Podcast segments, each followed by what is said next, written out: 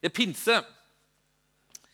Og pinse det handler jo om Den hellige ånd. Det handler jo om menighet òg, men det handler om Den hellige ånds komme. Og Jeg tenkte vi skulle gå til Johannes evangeliet. Er det noe, er det noe bilde der ta fram, Erik? Johannes evangeliet kapittel 14 og en del vers der. Kanskje litt liten tekst. Det blir sånn når det er mye tekst. Så derfor bare hør etter hvis ikke dere kan se det. Dersom dere elsker meg, holder dere mine bud, sier Jesus. Og jeg vil be min far, og han skal gi dere en annen talsmann, som skal være hos dere for alltid. Sannhetens ånd, som verden ikke kan ta imot. For verden ser ham ikke og kjenner ham ikke, men dere kjenner ham, for han blir hos dere og skal være i dere. Jeg lar dere ikke bli igjen som foreldreløse barn. Jeg kommer til dere. Snart ser, dere, ser ikke verden meg lenger, men dere skal se meg, for jeg lever, og dere skal også leve. Den dagen skal dere skjønne at jeg er i min far, og at dere er i meg, og jeg i dere. Den som kjenner mine bud og holder dem, han er det som elsker meg. Og den som elsker meg, skal min far elske. Ja, også jeg skal elske ham og åpenbare meg for ham. Judas, ikke Judas Iskariot, sier til ham, 'Herre, hvorfor skal du åpenbare deg for oss og ikke for verden?' Jesus svarte, 'Den som elsker meg, vil holde fast på mitt ord, og min far skal elske ham, og vi skal komme og bo hos ham.' 'Den som ikke elsker meg, holder ikke fast på mine ord.' 'Det ordet dere hører, er ikke fra meg, men fra Far, han som har sendt meg.' 'Dette har jeg sagt dere mens jeg ennå er hos dere.' Men talsmannen, Den hellige ånd, som Far skal sende i mitt navn, skal lære dere alt og minne dere om alt det jeg har sagt dere. Talsmannen. Det den hellige ånd beskrives som talsmannen av Jesus egentlig i, i tre ulike tekster i Johannes evangeliet, kapittel 14-16. Og det her med, det med talsmannen det her sier jo noe om hva, hva Ånden skal gjøre og ha for funksjon i våre liv, vi som tror. Og eh, talsmannen står i den norske oversettelsen. Den svenske bibeloversettelsen, som jo er tilnærmet original. Nei da. Men den ligger nær til mitt hjerte av en eller annen grunn. Der kalles han Hjelperen. Hjelperen. Og Det er det, her, det ordet som, eh, som brukes, det, det, består av to ord, egentlig. Eh, det er jo for spesielt interesserte, da, men et gresk verb som betyr å kalle, og para, som handler om å stå ved siden av, eller være ved siden av. Og det det handler om egentlig når Den hellige ånd er parakletos, som det står på gresk, det betyr at han er, han er kalt til vår side. Han er kalt til vår side. Og Det ordet oversettes bl.a. med advokat eller talsmann, som vi prater om, oppmuntrer eller trøster. Men det handler om en som står ved siden av, som går ved siden av, som fins der for oss. For oss. Og det er denne hjelperen som Jesus ber oss vente på, som er på en måte instruksjonen. Før Jesus tas opp til himmelen, så, så sier han, 'Vent, det skal komme en, en annen, som er lik meg, som skal komme og være hos dere.' Jeg skal ikke la dere være alene, men talsmannen, hjelperen, skal komme. Og ikke bare være med dere. Du vet, når Jesus gikk på jorda, så, så var han med de som tror. Med de som fulgte ham. Men når Ånden kommer, så skal Gud være i den som tror.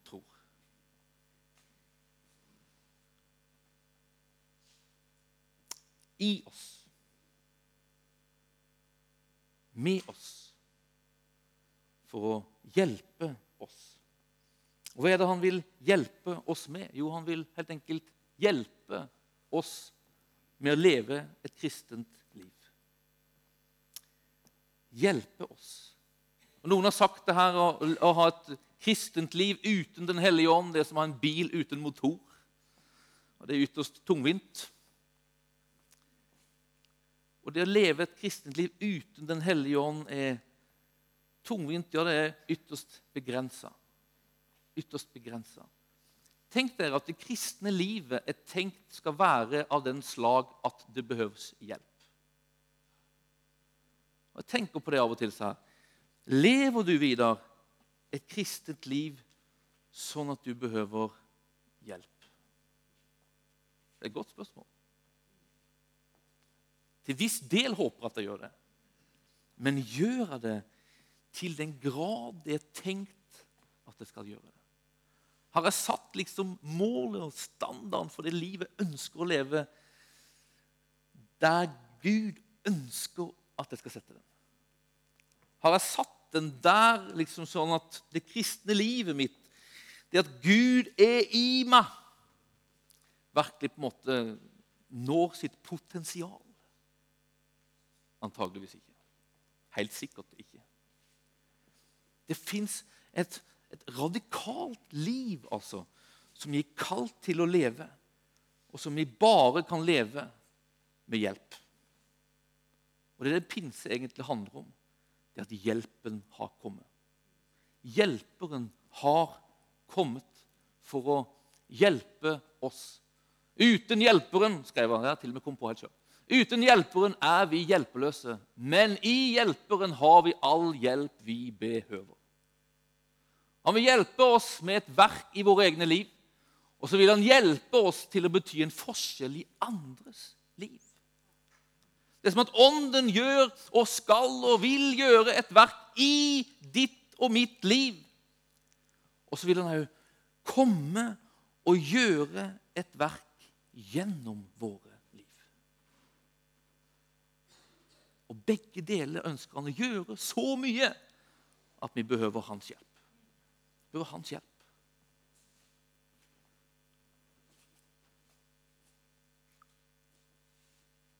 Hva gjør han i våre liv? Jo, alle som tror på, på, på Jesus, har tatt imot han som sin personlige frelser og har gjort han til herre i sitt liv, har fått hjelp av Den hellige ånd. Paulus sier sånn i 1. Korinterbrev 12 at ingen kan si Jesus er herre uten ved Den hellige ånd.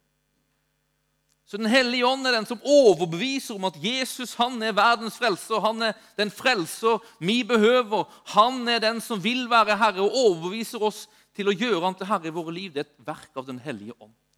Og Når vi gjør det, så flytter Den hellige ånd inn i våre liv og føder oss på nytt igjen. Og vi får Ånden boende i våre liv. Men han ønsker å hjelpe oss med mer. Han ønsker å hjelpe oss òg til å produsere i oss noe som ligner Jesus. Som ligner Jesus. Og det, det er på en måte som er, som er åndens oppdrag i våre liv. Det å produsere likhet med Jesus Kristus. Han er eksempelet vårt. Og han er den ånden ønsker å produsere likhet til. Hvordan gjør han det? Jo, han vil, som vi hørte tidligere, utøse nærværet av Gud sjøl i våre liv. Han vil utøse liksom nærværet og sjøle liksom essensen av den Gud er i våre liv. Lene leste Romerbrev 5.5. At Guds kjærlighet er utøst i våre hjerter ved Den hellige ånd. Jeg tror kjærlighet er sjøle essensen av den Gud er. Og Johannes han sier den den som elsker, er den som kjenner Gud. Elsker du ikke, så kjenner du ikke Gud. Den hellige ånd ønsker å gjøre oss til elskere. Og han ønsker å gjøre det ved å fylle oss med Guds kjærlighet. Jeg tror at pinseerfaringen er en erfaring av Guds kjærlighet. Fordi pinseerfaringen virker å drive bort frykt for de første apostlene, de første disiplene. De som har vært pingler og livredde. Lett her å stå og si det, men de virker å være det. Blir frimodige, radikale, gale mennesker uten frykt. De som har låst seg inne, de som til og med har benekta Jesus framfor tjenestepiker, som Peter gjorde, stiller seg plutselig midt på pinsehøytiden i Jerusalem og forkynner det budskap som Jesus på en måte ble liksom korsfestet for. At han var Guds sønn. At han var oppstått fra de døde. Den hellige ånds fylde jager frykt ut. Fordi kjærligheten kommer. Det er kjærligheten som driver frykten ut. Den hellige ånd fyller oss med kjærlighet nærværet av Gud sjøl for Jo, for at vi skal få erfare det. Fordi han vil at vi skal erfare at han elsker oss. For det er det han gjør. Men òg for å gjøre oss til elskere. Elskere av han og elskere av mennesker. Kan jeg bruke ordet 'elskere', eller blir det for liksom Det er noen som elsker det. Han vil produsere kjærlighet i livet vårt. Altså. Og det er radikal kjærlighet. Den er fryktelig radikal. Den kjærligheten er, ikke, den er liksom ikke uten mål og mening. Den har en retning, den har et mål. Og Johannes han skriver om det i 1. Johannes brev, om at denne kjærligheten har et mål. Den vil noe. Den ser ut som noe. Og et par av de tingene som, som det ser ut som i 1. Johannes brev, dels at frykten drives ut, men det den produserer lydighet. Den fullkomne kjærligheten, den som er fullkommen, at blir gjort fullkommen i kjærlighet, holder mine bud. Det leste vi i teksten her.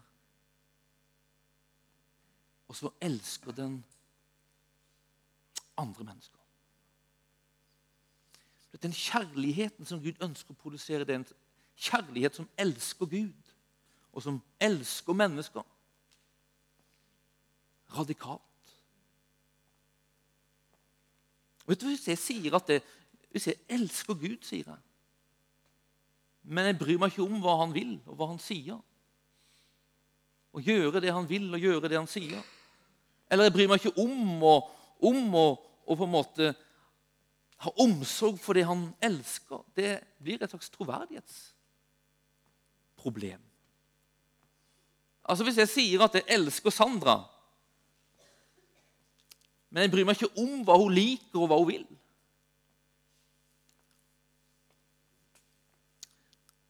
Sandra, hun Jeg tenker, Hva er det hun elsker? Når skal lage mat til Sandra, så det er visse ting som hun liker og ikke liker. Og når jeg, når jeg på en måte jeg kjenner ordet jeg elsker Sandra, så, så, så hvis, jeg, hvis, jeg, elsker Sandra, så, så, lager jeg mat som hun liker. Det var et enkelt eksempel. Men sånn er det jo. altså.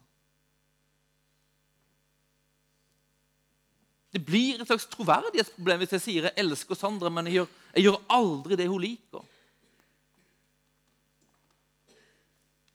Sånn er det jo med Gud. Det blir et slags troverdighetsproblem hvis vi sier at vi elsker Gud, men bryr oss ikke om hva han vil.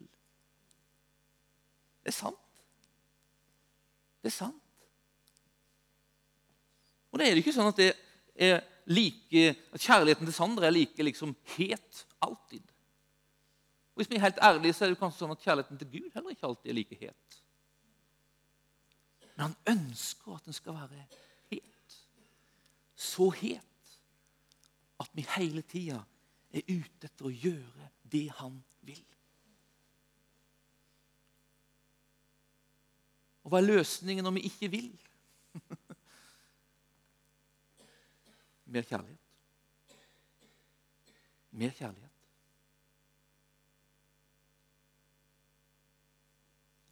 Og Jeg tror vi må erkjenne at vi behøver at Hans ånd gjør et verk i våre liv for å gjøre oss til elskere som Jesus var. Som elska far, og som elska mennesker. Og Den kjærligheten er så radikal at den utfordrer. Den er så radikal at den er en sånn støtesten i denne verden. Den er så radikal at den fortsetter når all fornuft sier stopp, og når vår menneskelige evne sier stopp. Jeg husker jeg, I Sverige så jobba jeg med en muslim. Det var ikke på arken. altså. Det var på et lager. Jeg jobbet på et lager når jeg gikk bibelskole. Og Da sto vi i, det utrolig varierende jobbet i postpakken. Der vi pakka pakker som skulle sendes med posten. Det var utrolig lite variert. Holdt på å kjede meg i hjel. Men heldigvis jobba vi noen stykker sammen som vi kunne prate mens vi jobba. For det var litt sånn hjerneløst jobb. altså. Blant annet sto ved siden av en muslim. Og vi prata en del tro. Og Han lytta til meg, og jeg lytta til han. Men så kom vi inn på det her med Guds kjærlighet. Og at Jesus på en måte er beviset på Guds kjærlighet. Og Han er beviset på hvor radikal Guds kjærlighet er. Og at Jesus han har, han, har, han har, kommet og betalt prisen for all verdens synd, inkludert min og inkludert din, sa jeg til ham. Ja, alle mennesker, sa han. Det er en støtesten for en muslim. Og så kom vi inn på ja, alle mennesker. Og Så begynte han å sette ting på spissen, og så ramsa han opp de her vanlige, liksom, både Hitler og alle de her. Og jo, jeg måtte bare si Har det inkludert? Og så kommer vi til Saddam Hussein. Dette var en iraker. Forfulgt av Saddam Hussein, flykta til Sverige, blitt torturert. Og så spør han om er Guds kjærlighet så stor og så sterk og så omfattende at den inkluderer Saddam Hussein? Er Jesu offer på korset inkluderer det Saddam Hussein? Jeg måtte si ja. og det klarte han ikke. Der var det stopp. Da lo han, og så gikk han. Guds kjærlighet er så radikal at den sprenger våre begrensninger. At den fortsetter der vi sier stopp. Der våre evner sier stopp, og der vår fornuft sier stopp. Er vi der? Er vi der? Nei. Helt ærlig jeg behøver hjelp. Jeg håper du òg innser at du behøver hjelp. Og hjelpen er kommet. Hjelpen er kommet. Den hellige ånd. Den hellige ånd. Han vil gjøre et verk i våre liv som vi ligner Jesus, er elskere som Jesus. Og han vil hjelpe oss òg å bety en forskjell i andre menneskers liv.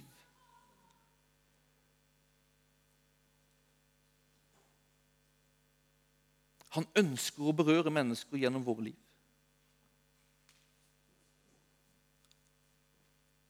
Sannelig, sier Jesus, jeg sier dere, den som tror på meg, skal også gjøre de gjerningene jeg gjør. Ja, enda større gjerninger, for jeg går til far. Er vi der, eller behøver vi hjelp? Hjelp. Her er Jesus i synagogen i Nasaret. Her beskriver han sitt eh, oppdrag, det han skal gjøre når han, når han eh, når han vandrer på jorden, og så begynner han 'Herrens ånd er over meg', for han har salvet meg til å forkynne et godt budskap for fattige. Han har sendt meg for å rope ut at fanger skal få frihet og blinde få syn igjen. For å sette undertrykte fri og rope ut et nådens år fra Herren.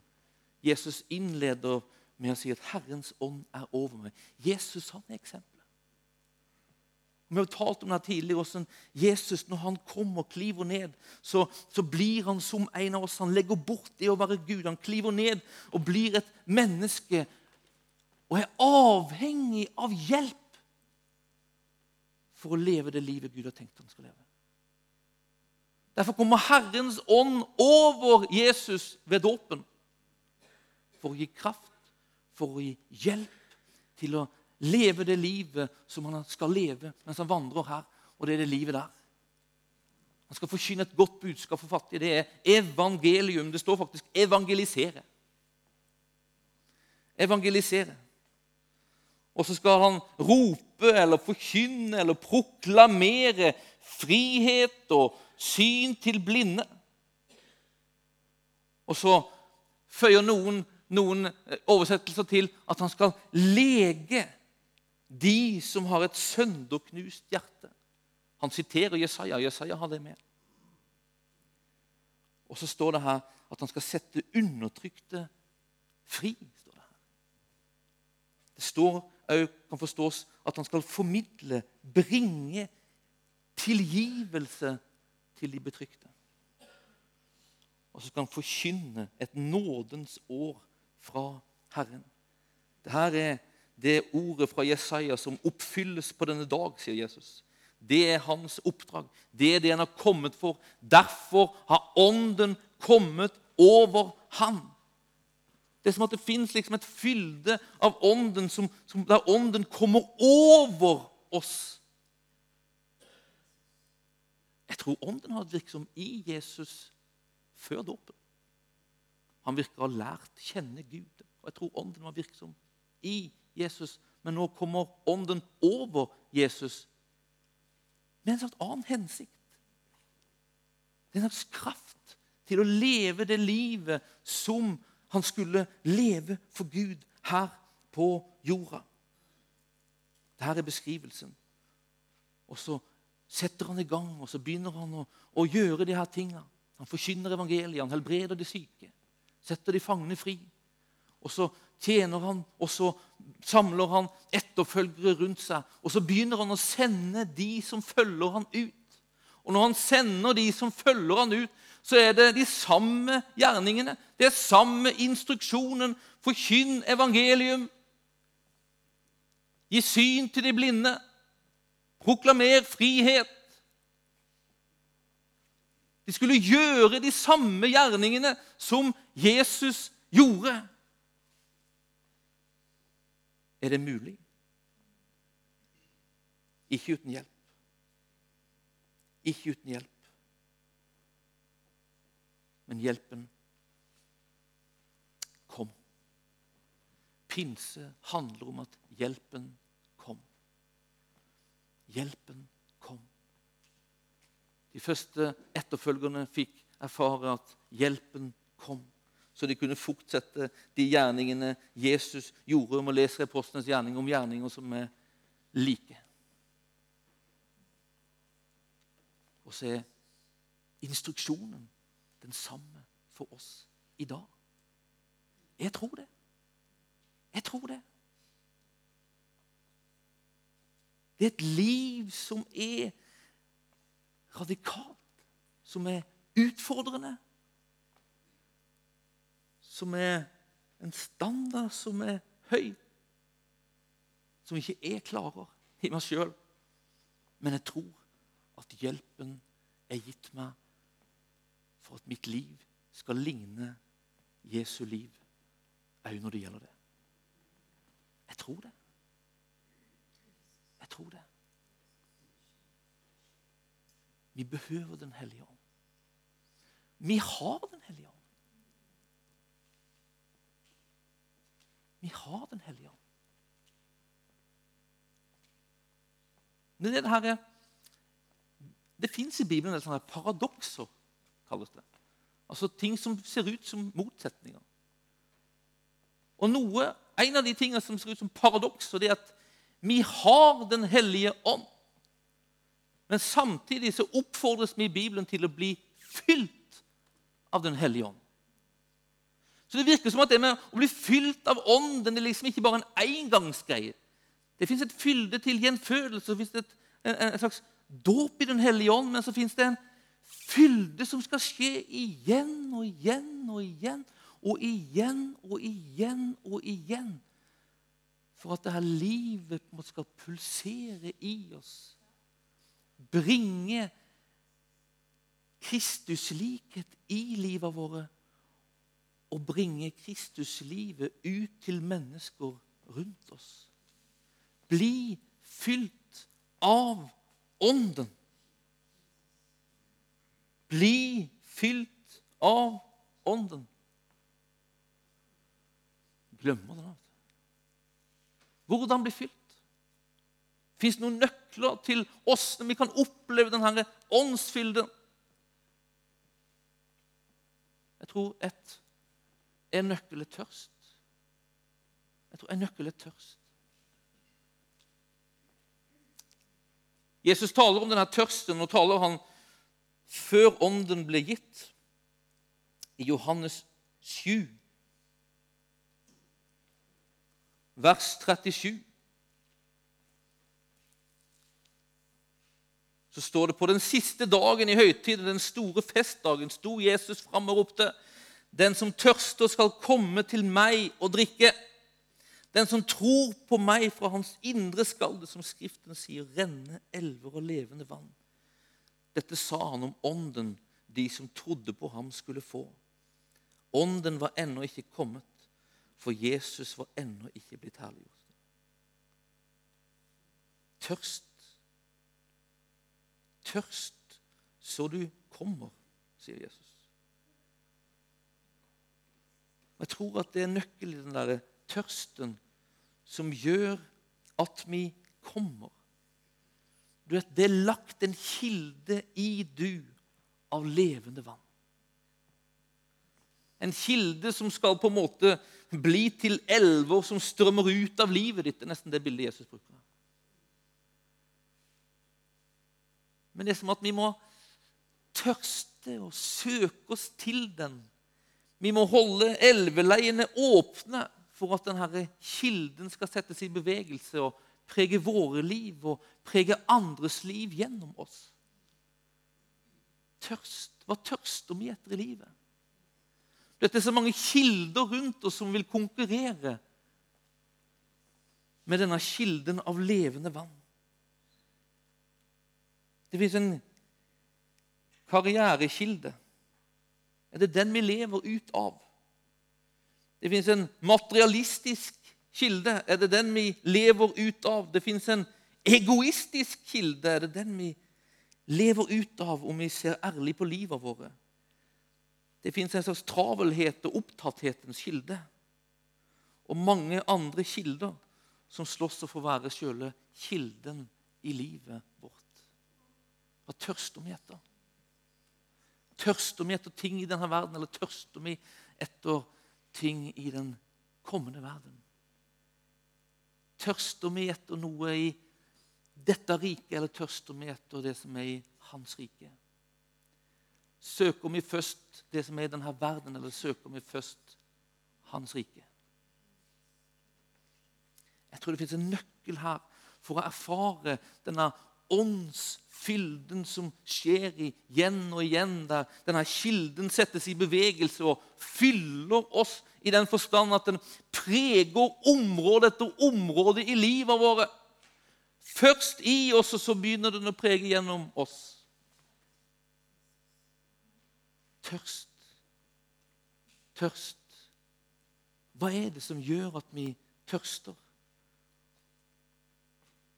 Hvem kan hjelpe oss med tørst? Hjelperen. Vet han kan hjelpe med tørst. Men du må be om det. Vil du det? Hjelp meg å tørste. Vi kalles til omvendelse fra alle andre kilder enn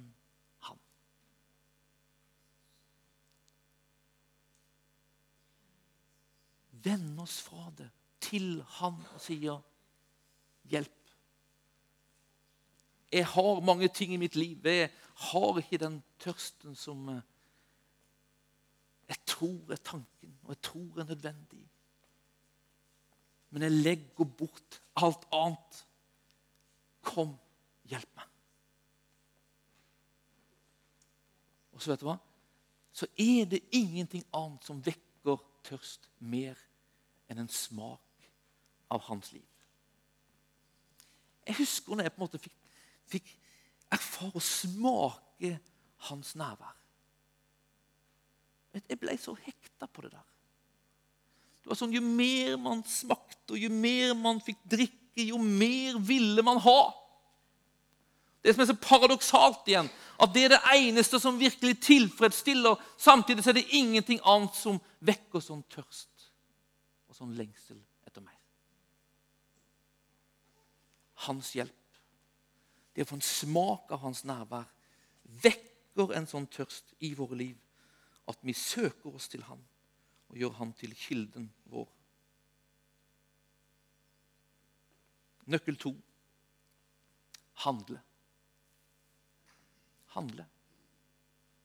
Det å bruke det du har fått, eller handle på Hans ord. Lydighet. Når Jesus taler om forfølgelse i, i Lukas 12,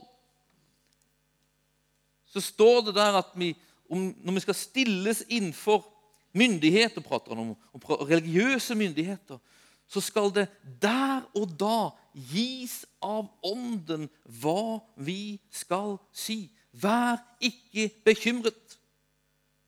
Den hellige ånd skal lære dere i samme stund hva som må sies.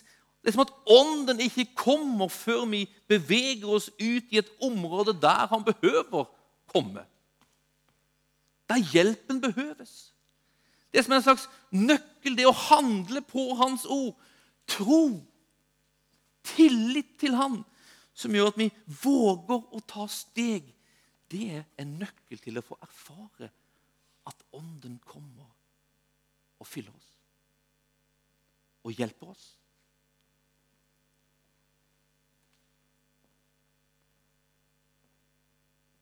At han vil hjelpe oss med ting i våre liv.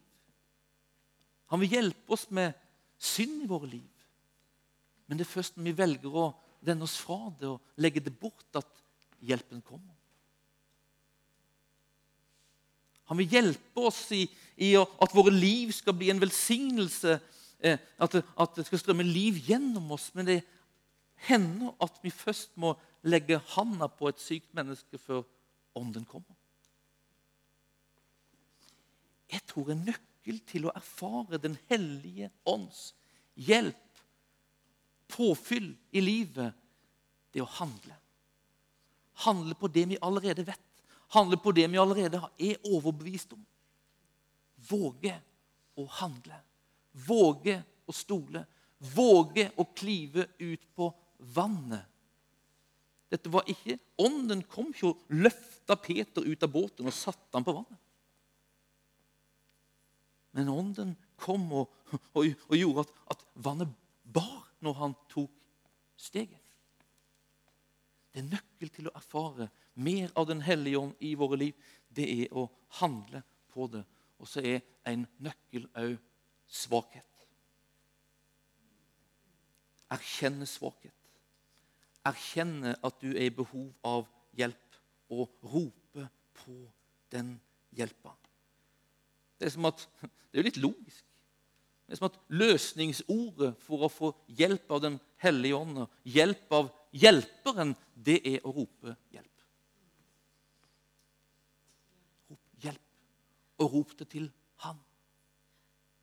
Vi kan jo rope hjelp og se på oss sjøl. Hjelper ikke noe. Vi kan rope hjelp og se på naboen. Det er ikke alltid det hjelper. Men når vi roper hjelp og ser på han, i tillit til han, når du erkjenner avhengigheten av han Midt i en verden som opphøyer uavhengighet, så, så tror vi på en Gud som peker på avhengighet. Du er ikke alene. Du kan det ikke alene.